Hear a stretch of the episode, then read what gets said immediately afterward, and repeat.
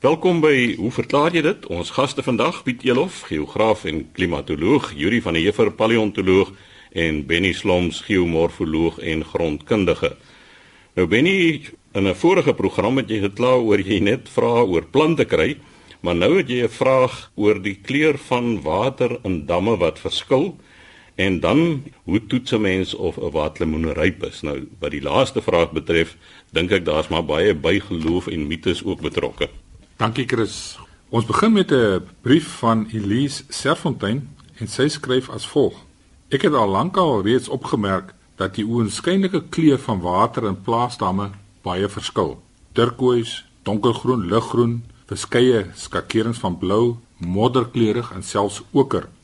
Onlangs het sy spesifiek uit 'n vliegtyg daarna gekyk op 'n vlug tussen Johannesburg en Kaapstad. En opgemerk dat damme wat reg langs mekaar lê, ook dikwels in kleur verskil. En vra sy wat is die oorsaak hiervan? Verskille in grondsoorte, alge, diepte. Elise, jy is op die regte spoor. Daar is redes vir hierdie kleurverskille en alge en grondsoorte het definitief 'n bydrae te lewer. Maar kom ons gaan kyk na die kleure afsonderlik en ek sal kortliks probeer verklaar wat aanleiding gee tot daardie spesifieke kleur. Nou die blou en turkoois kleur, dit is die normale kleur van gewone skoon water. Daardie blou kleur kan verander of dit 'n sonskyndag is of dit 'n bewolkte dag is. Dis net die blou van die see ook maar verander afhangende van die wolkbedekking. Interessant is daardie waters wat liggroen en in sommige gevalle selfs donkergroen van kleur is. Nou sulke damme het gewoonlik heelwat alge in die water. En hierdie alge se hoeveelheid sal afhang van hoeveel plantvoedingsstowwe in daardie water is. Plantvoedingsstowwe, dis goed soos fosfaat, stikstof, potas wat afkomstig is van nywerhede, van uitvalwerke, rioolplase en natuurlik ook vanaf landerye, van boerderye. Nou die donkergroen waters wat 'n mens soms sien, dit is as gevolg van eutrofikasie van daardie water. Daar's 'n oormaat van plantvoedingsstowwe en jy kry 'n oormaat van alge wat daar voorkom. En die beste voorbeeld hiervan in Suid-Afrika is natuurlik die Hartbeespoortdam waar ons 'n groot probleem het met hierdie eutrofikasie. So dit is nie 'n gewenste kleur vir water nie. Die modderkleur, okerkleur soos jy dit beskryf, dit is as gevolg van sediment in die water wat vir jou daardie bruinerige kleur gee. Nou, dit is die kleifraksie van grond wat gesuspendeer is. Met ander woorde, dit is in die water self en ehm uh, dit is tipies van die droër omgewings in die Karoo. Indien jy 'n dam het met 'n okerkleur, met ander intense geelbruin kleur, dan is dit gewoonlik sediment wat relatief onlangs in daardie dam gekom het, veral in hierdie droër gedeelte. Dan Elise, is daar nog 'n kleur wat sommige damme het wat jy nie genoem het nie, en dit is swart, donkerkleurige water. Ons kry dit veral langs die suidkus, suidooskus van Suid-Afrika waar ons immuunsure het wat in die damme versamel. Nou immuunsuur is afkomstig van die ontbinding van fynbosmateriaal en dit gee vir jou tipies hierdie bruinkleurige of teekleurige waters en as jy 'n dam vol van hierdie water het en hy's diep, dan vertoon hy pikswart. Nou die klassieke voorbeeld van rivierwater wat hierdie donker kleur het, is natuurlik die Kaimansrivier tussen George en Wilderness. Daar sit ons met hierdie hoë konsentrasie van immuunsure. So ja, daar's 'n klomp redes vir hierdie kleurverskille in damwaters en dit het te doen enerzijds met alge, lewende organismes wat daarin kan voorkom, sediment of dit kan organiese sure wees afkomstig vanuit die fynbos. Ek onthou 'n kollega van my toe ek nog by grondkunde was, het altyd gesê: "Indien jy damwater het en hy water is so helder hy is blink. Jy kan die bodem sien van bo af. Dan is dit 'n seker teken dat daar baie braksoute in daardie water teenwoordig is. Daar sal natuurlik ook al gewees wat daar in die dam groei, maar die water self is helder en deursigtig. Maar jou skoon waters, naby die sandstene, die sal vir jou jou normale ligblou kleure gee en blou kleure gee en uh, in die Karoo is hulle normaalweg meer bruin van aard. Dan 'n tweede vragie wat ek ontvang het en dit kom van Hein Leonard en hy skryf die volgende. Hy sê dit is waterlemoentyd en ons toets gereeld al vir baie jare die waterlemoene by die handelaar met 'n gewone plastiese drinkstrootjie om seker te maak die waterlemoen is reg. Nou reg bedoel hy natuurlik is hy reg. Nou aan ek weet van kuns daar af al die verskillende maniere wat mense gehad het om uh, watermoen se rypheid te toets waarvan die klop met jou vinger aan die oppervlak van die watermoen seker die bekendste is. En ek onthou van mense wat die waterlemoen opgetel het en bo op sy kop neergesit het en so gedruk het. Wat hy gevoel het, weet ek nie. Ek het dit nooit gedoen nie. Uh, Yuri sê hy weet wat hierdie kopstorie is. Ek het dit ook al gedoen en as jy jou kop sit en jy trek hom so 'n bietjie en hy's ryp, dan moet hy so krits maak. Jou kop of die waterlemoen. Dit het natuurlik te doen met die turgor spanning binne die waterlemoen. Hoe ryper die waterlemoen is, hoe hoër is die spanning of die vogdruk binne die waterlemoen en dis waar die gits geluid vandaan kom. Nou hierdie strooitjie storie van Hein Leonard, ek het nog nooit hiervan gehoor nie. Nou volgens Hein plaas jy die strooitjie bo op die waterlemoen. Plaas hom dwars bo op die waterlemoen. En indien die waterlemoen ryp is, dan sal die strooitjie van self draai totdat hy in die lengte van die waterlemoen is. Nou wil hy weet, is daar 'n logiese verklaring hiervoor of was ons tot dusver net gelukkig? Nou die wetenskaplike antwoord daai is baie eenvoudig. Nee, daar's geen wetenskaplike verklaring hiervoor nie. So dit is nie waar nie. Ek kan vir jou waarborg. Jy sê dat dit nog altyd vir jou gewerk. Nou ek het 'n ander rede hoekom dit altyd vir jou werk. Boerdery vandag is 'n wetenskaplike storie. So die boere weet wanneer hulle waterlemoene ryp is, hulle weet wanneer om te oes en die waterlemoene wat op die mark kom sal eet gereed wees. Ek sal vir jou 'n brief gee daarvoor. Indien jy jou teorie van die strootjie wil toets, dan moet jy bloot 'n proef gaan doen. Kies 10 waterlemoene waarvan die strootjie nou in die regte rigting draai, soos jy sê, en dan kies jy 10 waterlemoene waar die strootjie nou nie wil draai nie.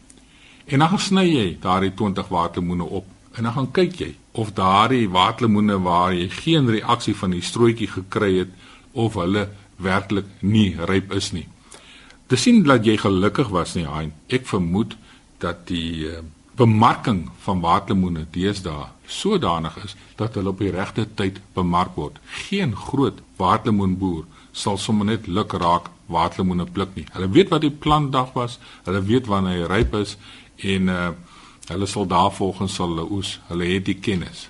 Benny het verwys na die klopmetode. Nou daar's mense wat glo hy moet 'n krakerige, helder geluid maak as jy hom klop, anders sê 'n dowwe geluid. Ek glo ook aan die kraakgeluid, soos wanneer 'n ryp wat lemoen gesny word, dan hoor jy hoe kraak hy oop. Nou, wat is die regte een? Ek weet nie, Chris. Ek klop nie aan waterlemoene nie.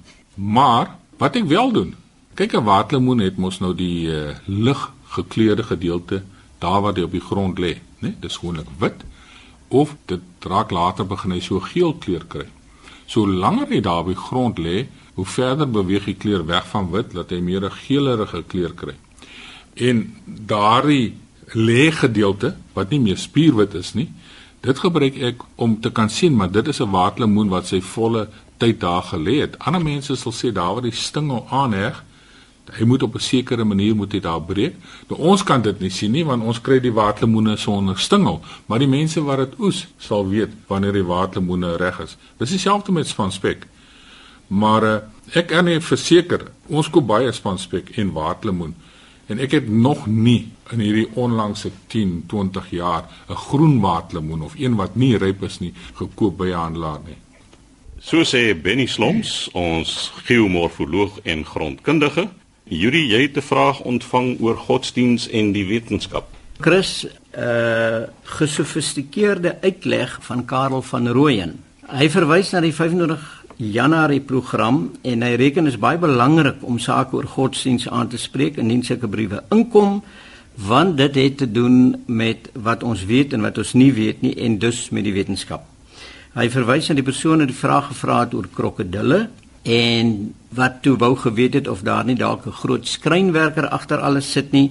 En Karel sê die belangrikste reaksie wat hy op so 'n opmerking het is wie sou dan die skrynwerker ontwerp het? En Karel, dit is natuurlik dink ek die doodsteek vir die intelligente ontwerp argument is dat wie het die ontwerper ontwerp? Maar dan gaan hy nou verder en dan noem hy drie punte wat hy wil by stil staan, naamlik die bestaan van God, die geloofslewe en die kerk. En hy sê van watter God praat ons? Is dit een van die gode wat histories aanbid is of steeds aanbid word of is dit iets heeltemal nuuts? Hy reken die werklikheid rondom ons dui nie op die bestaan van 'n opperwese nie en die hipotese van 'n opperwese is dus oneindig meer buitengewoon en arbitrêr as die van kabouters en feetjies maar met net so min bewyse oor die geloofslewe sê hy geloof in wat? Geloof in iets buite proporsie tot bewyse is misleiding, 'n delusie of miskien 'n hersenskim en geloof binne proporsie tot bewyse is egter maar net weer wetenskap want hy sê ons het reeds uh, opvoeding, ons het 'n regstelsel en as dit gaan oor inspirasie is daar reeds dinge wat dit aanspreek. So hy verstaan nie hoekom daar spesifiek van 'n geloofslewe moet gepraat word nie. En dan oor die kerk sê dat hy nie omgee dat daar 'n uh, sosiale groepering is soos mense wat gereeld bymekaar kom om na mekaar se behoeftes om te sien, belangstel in liefdadigheid en dit te beoefen nie maar om verwarring te voorkom behoort dit nie 'n kerk genoem te word nie. Nou daar is min of meer al so 'n beweging in Amerika wat ons kerk hier ons NG Kerk in die jare 60 en 70 baie sterk teëgestaan het. Dit is die sogenaamde social gospel en mense sien dit baie keer met groot kerke in Amerika waar hulle groot persele besit. Hulle het mense wat na die kinders omsien. Hulle het amper hulle eie supermark, winkel, parkeerplekke. So dit is so 'n uh, sosiale stelsel wat mense bymekaar laat kom. Nou, ek moet nou antwoord op wat jy gevra het en ek sal dit graag so wil doen deur te sê dat my siening en dis nie noodwendig die regte siening nie, dis maar as ek die ding analiseer is dat geloof in 'n opperwese of 'n mistieke wese of 'n oppermagtige entiteit dink ek is fundamenteel onder mense. Daar is geen nasie, geslag of volk wat nie een of ander mistieke, misterieuse of bonatuurlike idee het van die natuur om ons nie en ek dink dit het met ons evolusie ontstaan. Die tyd toe die mense klipwerktuie gemaak het, het hulle nie die nadenke gehad wat ons het oor die wêreld nie en deur die wêreld te beskou is daar baie goed gewees wat hulle nie verstaan het nie, wat hulle bang gemaak het, wat vir hulle voordelig was, die kos, die jagters wat kon kos kry. En dit is nie te versprong om te dink dat hulle moes begin dink dat daar iets buite hulle self is, iets in die omgewing, in die natuur wat eintlik 'n invloed op hulle kan uitoefen nie. En op een of ander stadium dink ek sou hulle begin vra wat soek ons hier? Hier's 'n realiteit, dis 'n werklikheid wat bestaan. Het ons 'n doel, het ons 'n funksie en uh, ek sou dit wil in lyn bring met die soeke na betekenis om op een of ander betekenisvolle manier te kan leef. En uh, daar is sielkundiges wat hierdie saak aangeroer het baie simplisties gesien die drie groot weense skole van psigoanalise. Freud natuurlik baie bekend wat baie simplisties gesien of gesê kan word dat hy eintlik gewerk het met die mense wil tot seks. Adler, die ander wense psigoanalis wat gedink het dat 'n mens jou ontoereikendheid moet oorkom, jy moet in 'n magsposisie kom, jy kan van hom sy terapie praat as jy wil tot mag. En natuurlik nou my persoonlike keuse is Viktor Frankl wat deur die strafkampe van die Tweede Wêreldoorlog gegaan het en besef het dat wat ons eintlik soek is die wil tot betekenis. En ek dink dit is wat ek onderliggend sou wou sien, grondliggend sou wou sien in ons benadering tot godsdiens is dat die mense wil om 'n betekenisvolle bestaan te voer in die lig van die wetenskap en in die lig van wat ons weet van Bybelwetenskaplik is is dat daar behoort dink ek 'n wegbeweeg te wees van die dogmatiese biblistiese siening van godsdiens met God as 'n wraaksugtige persoon wat jou gaan straf as jy op Sondag hout optel of wat ook al. So my posisie is dat ons nie die kerk in sy dogmatiese vorm nodig het as 'n morele kompas in die wêreld nie. Daar is ander maniere om te kyk na hoe ons betekenisvolle bestaan te kan voer en dit is hoekom ek dink die kerk behoort verander want hulle het die meganisme, hulle het die agtergrond en hulle het die opleiding om dit vir die mense te bied. So kortliks is dit Karel wat ek sou wou sê, as dit nie genoeg is nie, kan ons weer gesels. En so sê Juri van der Heever, ons paleontoloog, laaste aan die woord Piet Elof. Piet, dit lyk hier voor jou soos 'n onluste toneel van al die klippe wat jy hier uitgepak het, maar ek neem aan dis klipwerktuie waaroor jy gaan gesels. Dis inderdaad so, jy lê 'n klompie klippe hier en ek soek eintlik antwoorde op 'n klompie vrae wat ek self het hieroor. Ek het in 3 distrikte myself in die veld bevind, Styterwil omgewing, Heidelberg, Kaap omgewing en dan ook in die Victoria Wes omgewing. En ek het klipforme opgetel wat vir my gelyk het na klipwerktuie. Daar's by my geen twyfel dat dit so is nie. Nou Yuri, jy is 'n paleontoloog en ons kyk na verskillende tipe gesteentes wat hier voor ons lê. Van hulle is duidelik sandsteen, of kwartsiete, Witteberg kwartsiete, waarskynlik daar uit die Styterwil omgewing en die wesens wat hierdie werktuie vervaardig het, daar was van hulle wat vir my heeltemal 'n tipe van 'n kunsstreep in hulle gehad het. Soos jy self kan sien, hier is een van hierdie kwartsiet werktuie wat twee kleure het. Die helfte is so 'n maroon kleur en die ander is die gewone geel-grys kleur van die Witteberg sandsteen. Ek het ook hier steente wat duidelik 'n uh, tipe Dwika Telitis. Hy is definitief nie so mooi afgerond en hy het nie so mooi afgesplinter soos wat die ander voorwerpe is nie. Nou, ek het nagelees 'n bietjie oor hierdie goed en die meganisme of die metode wat hulle gebruik om hierdie klipwerktuie te maak, dink ek noem die Engelse napping, K N A P P I N G, waar hulle met behulp van 'n ander klip hierdie ene in 'n vorm in kap. Nou daai stukkies wat afgekap word, Die is natuurlik party van hulle redelik skerp, dit hang af van watter materiaal hierdie werktuie gemaak is. Die wat van sogenaamde chert gemaak is, sal baie skerp en amper soos porselein breek en wat dan gebruik kan word om diere se velle mee af te slag en dat daar self skrapers gemaak word om die vleis wat agter is af te skraap sodat die velle weer gebruik kan word.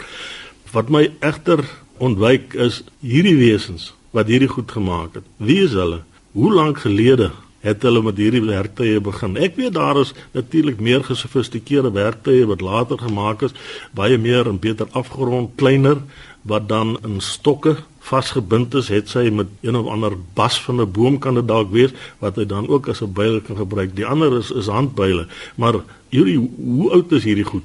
En wat my ook pla is dat hier op Stellenbosch het ek van hierdie werktuie gekry maar dit is nadat die fondasies van my huis gegrawe is. Maar hierdie wat ek in die Karoo opgetel het, lê bo-op. Daar's niks gekrap om hulle in die hande te kry nie. Jy moet hulle net kon identifiseer. Ja, Piet, dit is 'n ongelooflike interessante veld waar ek nie 'n kenner van is nie, maar daar is baie mense wat heelwat hiervan weet. Een van hulle is Dr. Janet Deacon wat self op Stellenbosch bly. Ek het by haar 'n bietjie gaan uh, kers opsek want ek het ook een van hierdie goed. En uh die tyd waarin hierdie klippe gemaak is, gevorm is, staan bekend as die steentyd. En dit word gewoonlik in 3 dele verdeel: die vroeë, middel en laat steentyd. Die vroeë steentyd strek ongeveer van so 1 en 'n half miljoen jaar gelede tot omtrent 250 000 jaar gelede. Die middelsteentyd is van omtrent 250 000 jaar gelede tot so plus minus 25 30 000 jaar gelede en dan die laaste steentyd strek tot die aankoms van die Wes-Europeërs uit byvoorbeeld nou Nederland soos Jan van Riebeeck 'n man wat nou onlangs nog al 'n bietjie uh, te nagekom is deur sekere politici. En as 'n mens nou kyk na die mensagtiges wat daai tyd gelewe het 1.5 miljoen jaar gelede Homo habilis was een van die mensagtiges wat jy nou nie by ons kry nie. Australopithecus sediba is omtrent so 2 miljoen jaar oud En as mens hier gaan na 500 600 000 jaar gelede dan praat ons van Homo erectus. So 1.5 miljoen tot so 250 000 jaar gelede is Homo erectus. Nou hieronder is nog nie by ons Homo erectus gekry nie maar die klip wat ek saamgebring het is so 'n handbuil soos jy nou van gepraat het die kern wat oorbly as die kleiner fragmente afgekap is wat dan die staan nou skerp en ek het so reeks fotos gesien waar sanmense 'n bok geskiet het en toe is hulle van hierdie goed gegee en hulle die bok afgeslag en opgesny en afgeslag met daai skerp stukkies fraksies wat afgebreek het Nou normaalweg praat mense van so 'n groot swaar klip. Hierdie ene is omtrent so 223 cm in lengte van 'n handbuil Die volgens Dr. Deacon kan hulle jy gebruik om met te kap of om met te grawe. My vraag is egter as jy nou jou hand aan die bokant opsit of aan die kant sit, dan is die rande redelik skerp. So mens moet seker maar versigtig gewees het of jy moes eelterige hande gehad het om uh, hierdie goed te doen. En jy's heeltemal reg dat met tyd is dit verfyn en verfyn die klipwerktuie neig om kleiner te word om baie meer presies gemaak te wees totdat jy natuurlik nou later been en die soort van goed gebruik om dinge van te maak. Nou die interessante ding is dat hierdie klipwerktuie gebruik is tot en met die aankoms van Jan van Riebeeck. So ons het eintlik nie 'n bronstydperk in Suid-Afrika gehad nie. So met die aankoms van die westerlinge hier en die migrasie van die bantu sprekende volke uit die noorde van Afrika wat toe in kontak gekom het met die Khoisan het beteken dat hulle toe yster in die hande gekry het en hulle kon toe fyn ysterwerke maak. Hulle het self nooit eintlik dink ek gesmee die tegnologie gehad om die vuur te maak om yster te smee nie, maar hulle het toe yster bekom. So ons het die interessante geval dat ons in Suid-Afrika van die steentydperk oorgegaan het na die ystertydperk en nie vooraf 'n bronstydperk gehad het nie. Hierdie is hier nog een ander interessante klip, 'n plat ronde klip, hy seker omtrent so 5 cm in deursnee, maar hy het twee holtes aan weerskante. Nou ek het al voorbeelde gesien waar hierdie klip die gat dwars deur die klip gegaan het. Nou aanvanklik het mense vir my gesê maar dis soos wat die ouens met 'n stokkie gevryf het om vuur te maak. Later het ek verneem maar hulle daai gate deur daai klip gemaak en dan 'n stok daardeur sit. So die klip het eintlik gewig gebied aan daai stok om meer sterker tref en harde trefkrag te hê. Het jy enige idee daaroor? Ja, ek dink dit is redelik duidelik. Die een wat jy daar het is een wat nog nie deurgebore is nie. So die persoon was besig daarmee en toe daar waarskynlik 'n renoster of 'n buffel aangekom en hy moes die hasepad kies of hy was net nie lus om verder te gaan. Die meeste van die klippe is rond en dan is daar 'n gat regdeur wat op die rand van die klip is die gat wyer en dan loop hy nouer na die middel toe en dan sprei hy weer uit na die onderkant toe. Nou die algemene idee is dat die klippe soos jy gesê het gebruik is om aan stokke te sit graafstokke wat hard gemaak is in die vuur om dan gewig te gee sodat jy kan eentjies of bolle daarmee grawe. Nou die ding is dat 'n mens kry hulle in verskillende groottes, van heel kleintjies tot heel grootes en ek het altyd gedink, wat maak jy met daai kleintjies? Want dit is veronderstel om soos 'n ring om die stok te pas, wat se gewig kan dit gee?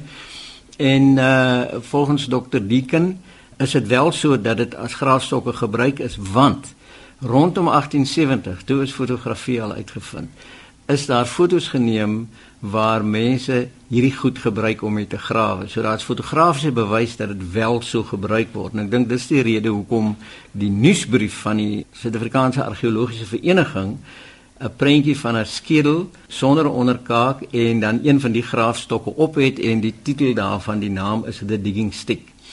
So daar's fotografiese bewys dat dit wel so gebruik is. Oor die klein klippie sê sy dat niemand is heeltemal seker nie, maar hulle dink dit kon gebruik geword het vir gewiggies as daar 'n val gestel is, want die val nou moet toeslaan, kon dit gebruik geword het as gewiggies of dit was speelgoed vir die kinders gewees.